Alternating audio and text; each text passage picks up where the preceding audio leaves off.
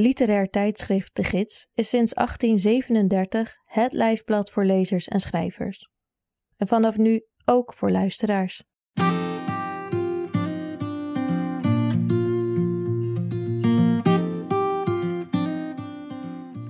Je luistert naar Sprekende Letteren, een podcast van literair tijdschrift De Gids, met in elke aflevering een verhaal, essay of poëzie voorgelezen door de schrijver of dichter zelf.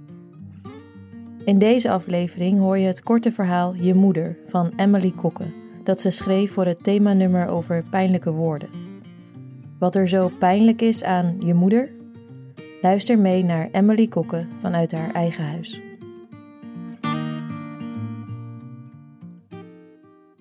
Het breekpunt in je leven wordt verfilmd en je mag meedenken.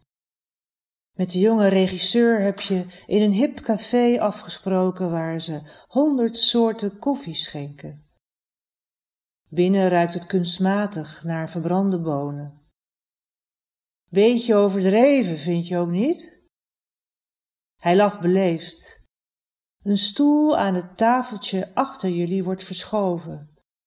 De metalen poten krassen kermend over de vloer. Hoofden draaien jullie richting. De regisseur is beroemd. Misschien beginnen met een openingsbeeld van ons huis, zeg je. Je bedoelt een establishing shot, knikt hij. Goed idee. Vertel.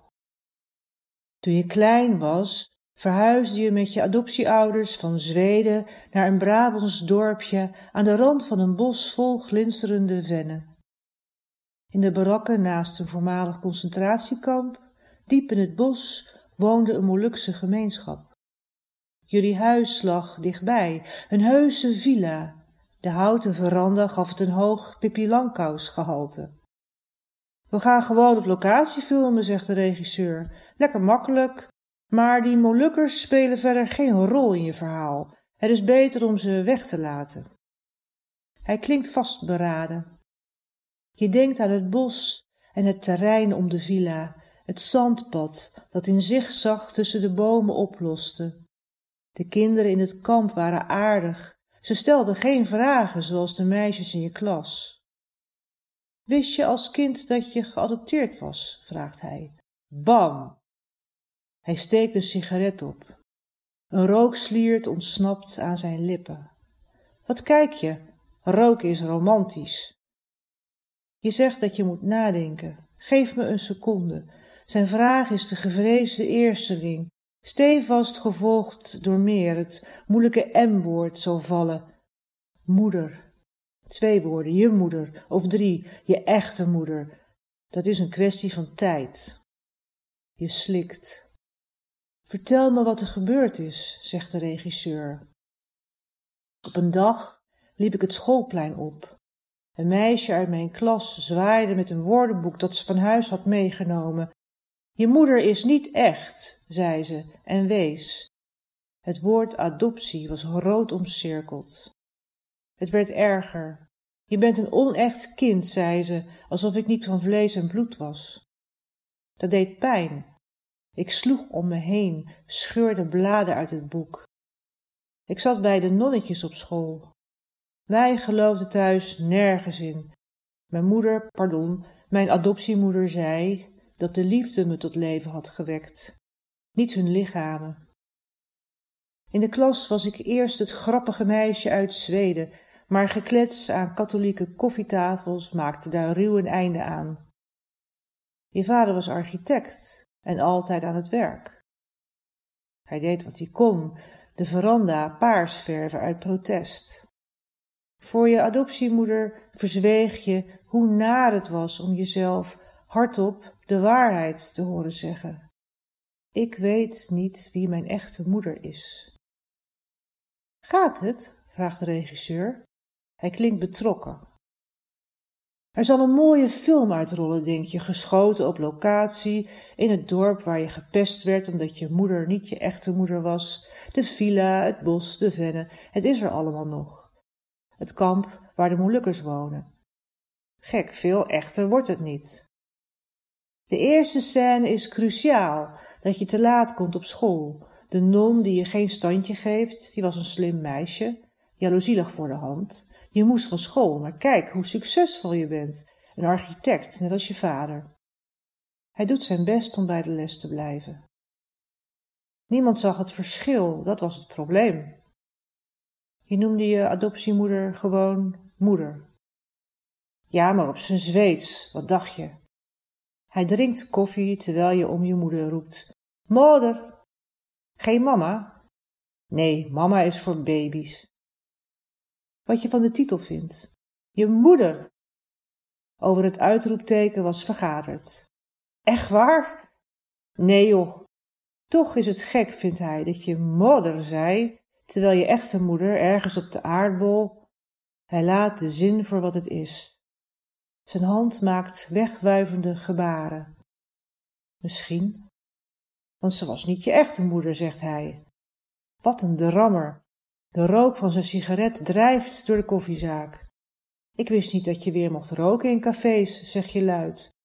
Maar niemand kijkt op of om. Je neemt je voor om het luchtig te houden. De deur van het café waait open. De regisseur inhaleert gulzig alsof het sigaretje zijn laatste is. Roken in films is weer oké, vraag je? Je weet wat ze zeggen. Art imitates life. Hij leunt langzaam voorover. Het is vast lastig om te praten over vroeger. De meisjes gooiden stenen naar je, begreep ik. Viel mee, het waren kiezelsteentjes. Oké. Ik weet niet alles meer, lieg Hij snapt je. De film zal de bron van het trauma tonen. We doen wat jij wilt. We laten eerst zien waar je woonde met je Zweedse adoptieouders. Ik ben ook Zweeds. Dat bedoel ik, maar je echte moeder. Ja, die ook, schijnt. We weten het niet zeker. Hij wil een crane die uitzoomt, zegt hij dromerig, een wereldbol, een onderschrift. Waar is je moeder? Hij valt zichzelf in de reden.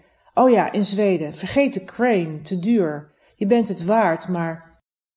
Buiten op straat hoor je een kind om zijn moeder roepen. De regisseur glimlacht flauwtjes. Het verhaal is mager, zegt hij. Sorry, ik wil het opbouwen. Eerst bos, dan Villawijk en aanbouw, hier en daar een steiger. We woonden niet geïsoleerd van de rest. Precies, het had iedereen kunnen overkomen, is de boodschap. Je ziet het adoptiemeisje in een bos, schooltas op de rug. Ze begint te rennen. Waarom? Ze is te laat. De non zie je zodra het meisje de klas inrent, zegt de regisseur. Hij wil dat ze vlechten draagt. Ik droeg geen vlechten, zeg je. Greta Style, zegt hij, dat meisje dat jou speelt, doet wel vaker nostalgische films. Hij dringt aan, de vlechtjes dansen op haar rug. Je schudt je hoofd. Wat een onzin.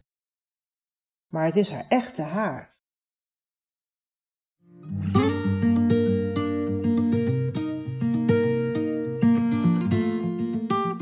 Je hoorde de stem van Emily Kokke, die haar verhaal Je Moeder voorlas. Emily Kokke is schrijver en kunstenaar.